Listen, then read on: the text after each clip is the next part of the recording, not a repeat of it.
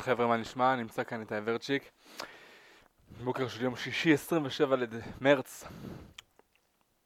והיום אני רוצה לדבר איתכם על הקשר המכירות. מה שקשור וחשוב ביותר זה הזהירות ממידע שקרי במכירות, ואני רוצה לגלות לכם משהו. יש לי בעיה אחת עם נושא המכירות, והוא שכל אחד לוקח אותו למקום שבו הוא מנסה להרוויח כסף על הגב שלכם.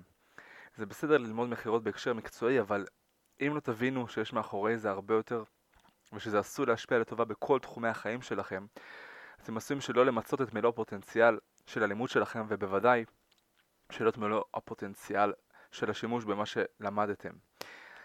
אז קודם כל תימנעו משיטות מכירה שליליות הכוללות מניפולציות למיניהם, כל מיני שקרים ודריכה על אחרים אה, ושקרים לבנים וכדומה. יש כל כך הרבה שיטות אחרות להשתפר במכירות ולעשות זאת בדרך הגונה ונכונה.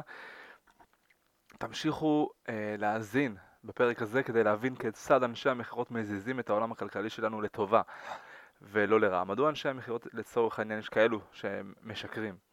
לפני שנבין ממה להיזהר, אנחנו צריכים להבין מה עומד מאחורי השקרים האלו.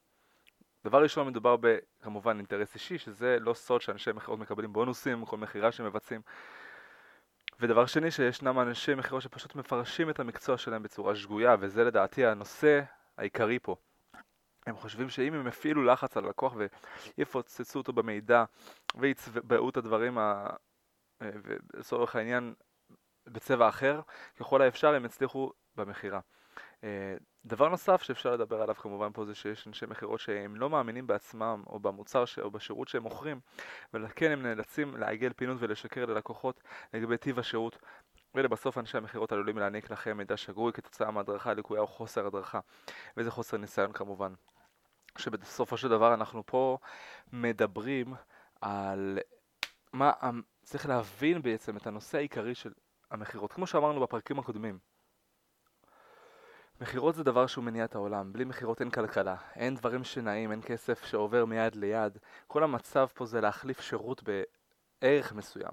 עכשיו לכסף אין ערך, לשירות יש, אתם יכולים לקבוע את זה בסכום כלשהו של כסף כי זה מומצא, מספר זה דבר שהמציאו, ולכן ברגע שאתם מבינים את הדבר הזה, שיש לזה ערך חיוני גבוה מאוד להנאה של הכלכלה של העולם, אתם יכולים להבין בעצם מה הבסיס של המכירות, שזה בעצם להעביר ערך מיד ליד.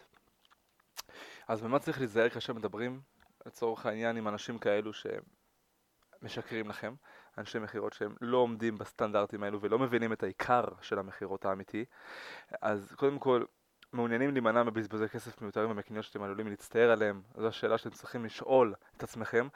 אז אלה כמה דברים שכדאי לשים לב אליהם, כמובן במהלך המכירה שמוכרים לכם עם אותם אנשים. פותחים בהערה אישית, אנשי מכירות מנסים להתחבר אליכם כבר על ההתחלה באמצעות הערה אישית. לדוגמה, אם אתם מודדים חולצה בחנות ומוכרת יכולה לזרוק הערה כמו כן, הבן שלי אוהב את החולצה הזו. כמובן לא אחת אנשי המכירות אוהבים לשאול שאלות התעניינות לכאורה, אז מה למדתם באוניברסיטה, כל מיני uh, small talking וכאלו. או איזה שם יפה יש לך, או איזה שעון יפה יש לך וכדומה, לא אחת. כן, הקשר האישי הזה לכאורה הוא נועד בשביל להשתיק אה, את הלקוח כדי להוביל למכירה שהיא לא בהכרח ישרה. או איזשהו שקר לבן בשביל להעניק לכם איזושהי השראה או החיבור עם האיש מכירות. או לצורך העניין, דבר שני, זה גם עוד איזשהו שקר לבן, אבל צריך לשים לב אליו של מכירת רק היום. אחת הטקטיקות הנפוצות בעולם המכירות היא להציע מחיר מבצע לזמן מוגבל, שזה גם דבר מומצא, הרי מחיר זה דבר שהמציאו, אתם צריכים לדעת את זה בהקדם. לדוגמה, נכון לתאריך זה או עד לתאריך מסוים. המטרה היא להלחיץ את הלקוח לבצע את הרכישה היום או בזמן הקרוב וכמובן לפעמים מחיר זה לא משתלם בדרך כלל כך שבסופו של דבר יוצא שביצעתם החלטה מתוך לחץ ולא כי באמת רציתם לרכוש את המוצר ויכול להיות שגם העלו את המחיר לפני ואז עשו את המבצע ולצורך העניין לא צפו שהרווחתם באמת כי בסופו של דבר היו מורידים את המחיר בכל מקרה כן, השוק נע, אז שוק זז, זה לצורך השוק אנחנו פה בעצם נותנים את הדגשים האלו לכם הרוכשים, לנו, אנחנו הרוכשים, בשביל להימנע מאנשים כאלו שלא מבינים את המטרה העיקרית של מכירות ומשתמשים בה לרעה. ניצול חולשותיו של הלקוח לצורך העניין, אנשי מכירות מיומנים יכולים לזהות את החולשות והפחדים של הלקוחות ולנצל אותם לטובת המכירה.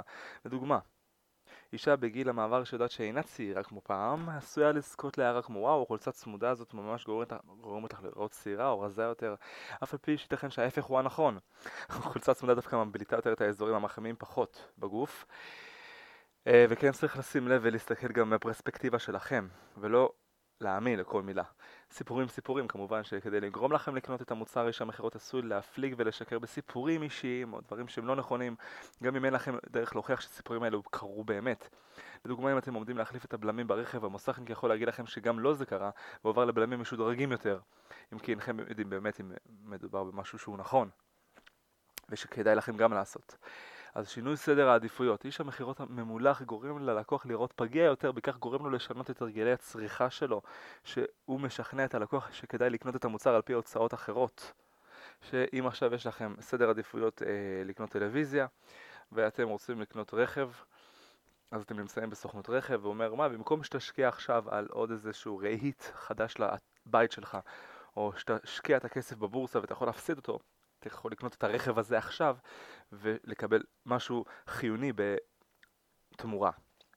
שזה סוג של שינוי סדר עדיפויות כזה, ששיטה נחמדה, תלוי גם, יש בה טיפת אמת, אבל צריך לחשוב עם עצמנו מה הסדר העדיפויות האמיתי שלנו. דבר אחרון שאני רוצה לדבר עליו זה בעצם שאיש מכירות המנצל לרעה את היכולות שלו הוא גם מנצל את חוסר הידע של הלקוח. ישנם אנשי מכירות שמנצלים ניצול ציני לצורך העניין את הלקוחות על ידי כך שהם שולטים בידע מבחינת התחום שלו, לדוגמה רכבים, אה, אליו שייך המוצר. בדרך, זה, בדרך זו עלול האיש המכירות למכור מוצר שהלקוח לא בהכרח צריך, כי צריך להבין מה הצורך שלכם ומאיפה הוא נובע. ואלה רק כמה נקודות שחשוב לשים אליהם לב בעת שיחת המכירה עם אותו בן אדם. חשוב להיות ערניים למידע שקרי מכל סוג שהוא, וגם לדעת מה הסדר העדיפויות שלכם באמת ומה אתם רוצים לעשות. לפני שאני עושה קנייה בעצמי, כשאני קונה מוצר, אני חושב אם אני צריך את זה. אני בעצם לא הולך למקום ספציפי אם אני לא רוצה לקנות שם משהו. או אני יודע, הולך מראש למקומות שאני יודע מה אני רוצה לקנות ומה אני צריך, ואם זה לא משהו שאני צריך אז אני לא מוסיף. כמובן צריך להיות ערני וגם שכלי, ולדעת לרכוש בהיגיון. Uh, כמובן שהרכישה נעשית ברגש, אז לפעמים זה גם דבר שהוא שגוי ולא הגיוני. אז שימו לב לכך.